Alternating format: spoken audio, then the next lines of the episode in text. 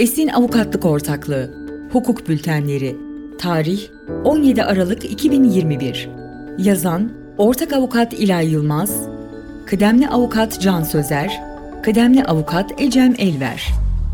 Tüketici mahkemelerine başvuru için öngörülen parasal sınırlar artırıldı. Yeni gelişme. Türkiye'de tüketicilerin satıcılar ve üreticilere karşı tüketici taleplerini tüketici mahkemelerinde ileri sürebilmeleri uyuşmazlık değerinin belirli bir sınırın üzerinde olmasına bağlıdır. Bu sınırlar her takvim yılının başında yeniden belirlenmektedir. Söz konusu sınırların altında kalan tüketici şikayetleri için yalnızca tüketici hakem heyetlerine başvurulabilmektedir. 6502 sayılı tüketicinin korunması hakkında kanunun 68.